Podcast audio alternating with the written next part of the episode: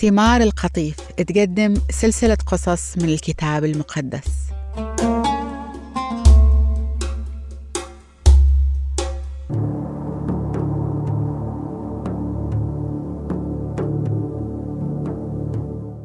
وبعد فترة الله امتحن إبراهيم وعيط عليه وقال له إبراهيم؟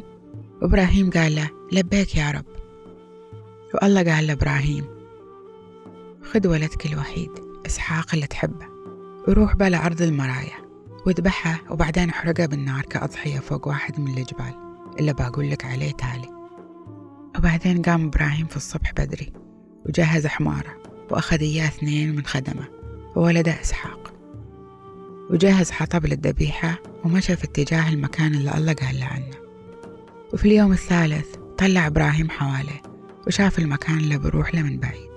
وقال إبراهيم لخدمه خليكم هنية الحمار. على ما أنا والولد نروح نعبد الله ونرجع لكم وقام إبراهيم عطى ولد إسحاق الحطب وحمل هو في ذا الجمر والسكين وراحوا ويا بعض. وقال إسحاق لإبراهيم أبوي؟ وإبراهيم قال له ها يا ولدي. وقال إسحاق لأبوه هذا إحنا جبنا الجمر والحطب ولكن وين هو الخروف اللي بتذبحه؟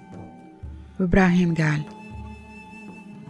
الله بنفسه هو اللي بدبر الخروف اللي بنذبحه يا ولدي. وظلوا يمشوا يا بعض. ويوم وصل المكان اللي الله دل عليه كان بنى مذبح هناك ورتب الحطب وبعدين ربط ولد إسحاق وحتى المذبح فوق الحطب ومد إبراهيم إيده وحمل السكين عشان يذبح ولده وعيط عليه ملاك الرب من السماء وقال إبراهيم إبراهيم. إبراهيم قال للملاك لبيك. وقال للملاك لا تمد إيدك على الولد ولا تضره لأني عرفت إنك تخاف الله ولا مساكت ولدك الوحيد عني. ولا إبراهيم قام يطلع حواليه وشاف وراه خروف قرونه متشربكة بفروع أشجار الغابة وقام راح وأخده وحطه في نار الأضحية بدل ولده. وسمى إبراهيم المكان يهوى يرى ومعناه الله اللي يشوف ويدبر. عشان كذي لهذا اليوم المكان اسمه جبل الله الحي اللي عليه راح يظهر. وكلم ملاك الرب إبراهيم مرة ثانية من السماء وقال له هذا أنا بنفسي أقسم لك إن الله الحي يعلن لك لأنك سويت هالشي وما مسكت ولدك الوحيد عني. بركة ببارك وتأكد إني بزيد نسلك وبكون زي نجوم السماء وزي رمل البحر. وذريتك بتورث مدن أعدائها. ومن ذريتك بتجي البركة. وكل شعوب الأرض بكونوا بركة لبعض لأنك طاوعتني. وبعدين رجع إبراهيم لخدم الاثنين. ورجعوا كلهم بير سبع وين ما كان إبراهيم عايش. والله صار بعد هالفترة جت أخبار لإبراهيم عن أخوه ناحور. والخبر كان ترى ملكة بعد ولدت أولاد لأخوك ناحور.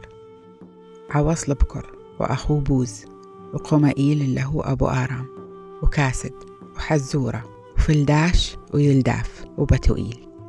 وبعدين بعد جابت له ملكة يمينة أولاد طابح وجاحم وتاشح ومعكة. وسارة عاشت 127 سنة وماتت في قرية أربع وهي نفسها مدينة حبرون في أرض كنعان. وجا إبراهيم مفجوع وصيح عليها وقام إبراهيم من عند الجثة وقال لبني حث أنا مو من هالبلد ومتغرب بينكم. بيعوني مكانة فنفيل مرحومة من قدام عيوني. وقام واحد من بني حث قال له اسمع يا مولاي أنت رئيس من عند الله. تقوم تدفن جثة المرحومة في أحسن مكان في قبورنا. ولا أحد منا بيمنعك. تحفر قبر عشان تدفن جسد الميتة. وقام إبراهيم ركع قدام أهل البلد اللي هم الحثيين احتراما لهم وقال إذا راضين وسامحين إلي أدفن جثة المرحومة تسمعوني واسألوا لي واطلبوا من عفرون ولا تصوحر إنه يبيعني مغارة المكفلية إلا في طرف مزرعته. باخدها منه بقيمتها وبدفع له المبلغ كامل. وتصير المقبرة ملكي في بلدكم. وكان عفرون قاعد يا الموجودين من بني حث. وقام عفرون الحثي قال لإبراهيم قدام كل الحاضرين في مجلس مدينته. لا يا غالي اسمع كلامي. هدانا بهديك مزرعتي والمغارة اللي في المزرعة. وادفن المرحومة وركع إبراهيم احتراما له قدام كل أهل البلد مرة ثانية. وقال لعفرون قدام الكل. اسمعني عاد. أنا بدفع لك ثمن المزرعة. عاد قبل المبلغ مني عشان أقوم أدفن جثة الميتة هناك. وقال عفرون لإبراهيم أنت اسمعني يا الحبيب. الأرض تسوى لها أربعمية شاكل من الفضة وقيمتها ما تسوى وما بينها الكلام.